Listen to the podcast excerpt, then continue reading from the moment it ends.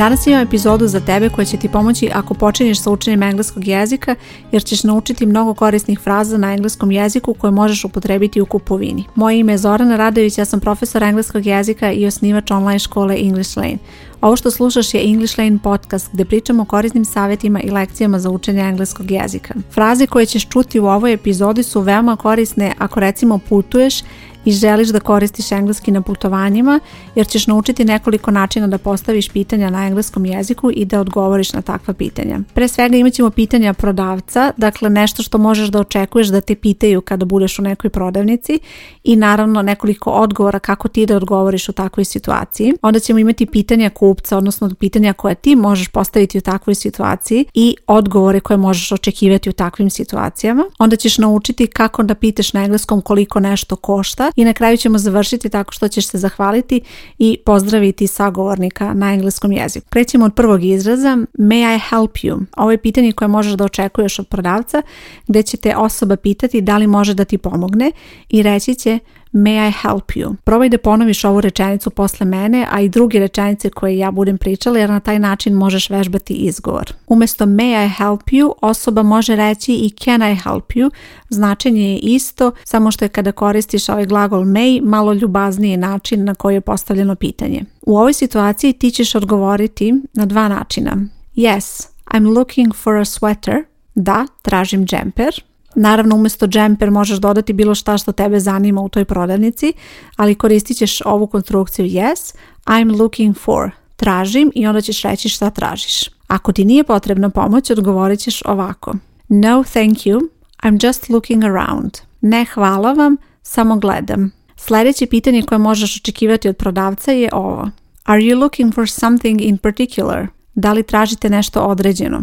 Prodavac postavlja ovo pitanje u situaciji kada želi da ti pomogne i ako želiš pomoć, ako ti je potrebna pomoć da potražiš nešto, možeš koristiti ovu rečenicu da odgovoriš na ovo pitanje. Yes, I would like to buy some socks. Ili Yes, I would like to buy a t-shirt. Kod ovih rečenica primećuješ da sam prvo upotrebila some socks, zato što je reč u množini, socks, a kada imamo reč u jednini, t-shirt, rekla sam a t-shirt, i would like to buy a t-shirt. To je bitno da obratiš pažnju kada koristiš članove u engleskom.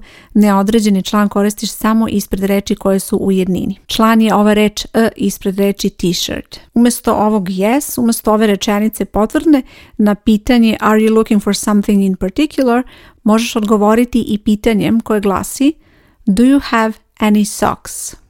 Da li imate čarape? Znači do you have any socks. To je način na koji ćeš postaviti pitanje ako te zanima nešto određeno u prodavnici i želiš da ti prodavac pomogne u tome da nađeš to što te zanima. Sada dolazimo do pitanja koje ćeš ti postaviti prodavcu i prvo pitanje glasi May I try this on, please? Kada kupuješ odeću, bit ćeš u situaciji da možda želiš da probaš odeću koju želiš da kupiš i tada ćeš postaviti ovako pitanje May I try this on, please? Mogu li da probam ovo?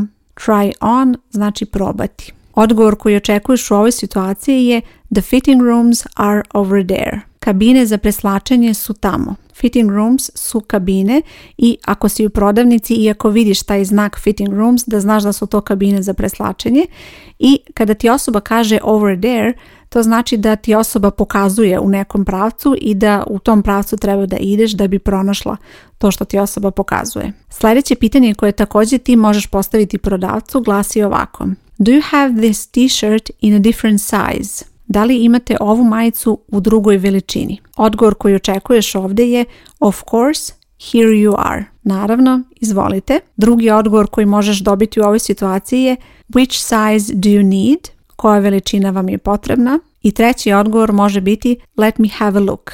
Dozvolite da pogledam. Sada dolazimo do pitanja kako pitati na engleskom koliko nešto košta i ovo zna često da bude problem kada je u pitanju početni engleski, a vrlo je jednostavno u stvari.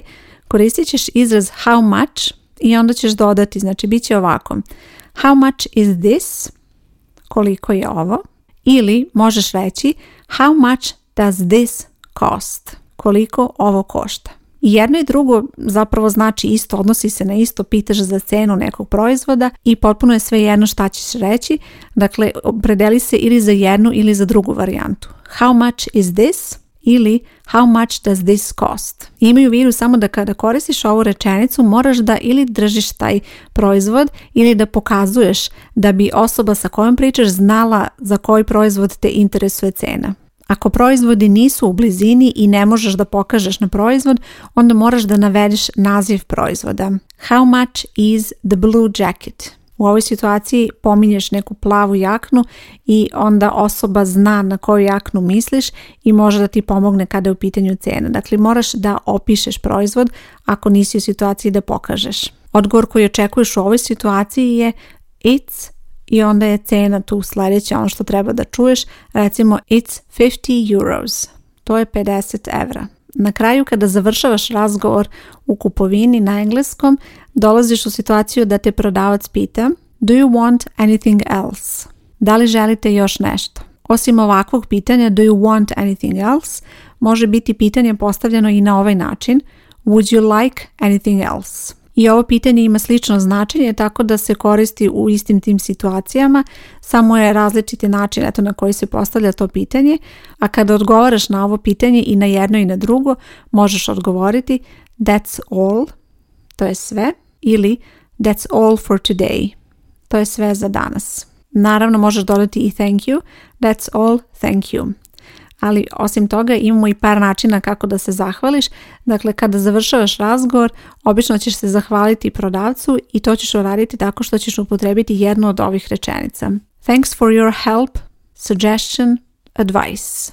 Dakle, ove reči možeš da upotrebiš. Thanks for your help, hvala ti na pomoći. Thanks for your suggestion, hvala na predlogu. Thanks for your advice, hvala na savetu. Osim toga možeš reći i ovakvu rečenicu. Thank you, that was really helpful. Hvala, to je bilo od velike pomoći. Imamo još jedan način kako se možeš zahvaliti na engleskom. Thanks so much, that's very kind of you.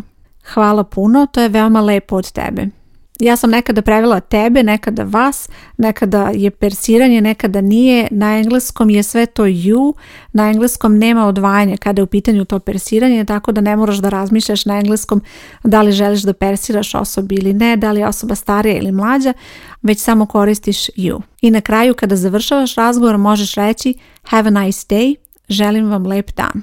Nadam se da će ti ovi izrazi za kupovinu na engleskom biti korisni i da će ti pomoći da imaš malo više sigurnosti kada treba da pričaš na engleskom u ovakvim situacijama. Ukoliko počinješ da učiš engleski jezik, na ovoj stranici gdje slušaš podcast ostavit ću još nekoliko linkova ka ostalim epizodama koje su baš za početnike i koje će ti pomoći da naučiš dosta korisnih izraza koje će ti pomoći da polako stičeš tu sigurnost u komunikaciji. Također, ako ti je potrebna pomoć kada je u pitanju učenja engleskog jezika, čak i ako si na početnom nivou, može se prijaviti za učenje u mojoj školi. Škola se zove English Lane i na stranici gdje slušaš podcast bit će informacije o školi i kako možeš da se prijaviš. Hvala ti što slušaš podcast, moje ime je Zoran Radović i čujemo se uskoro. Ćao!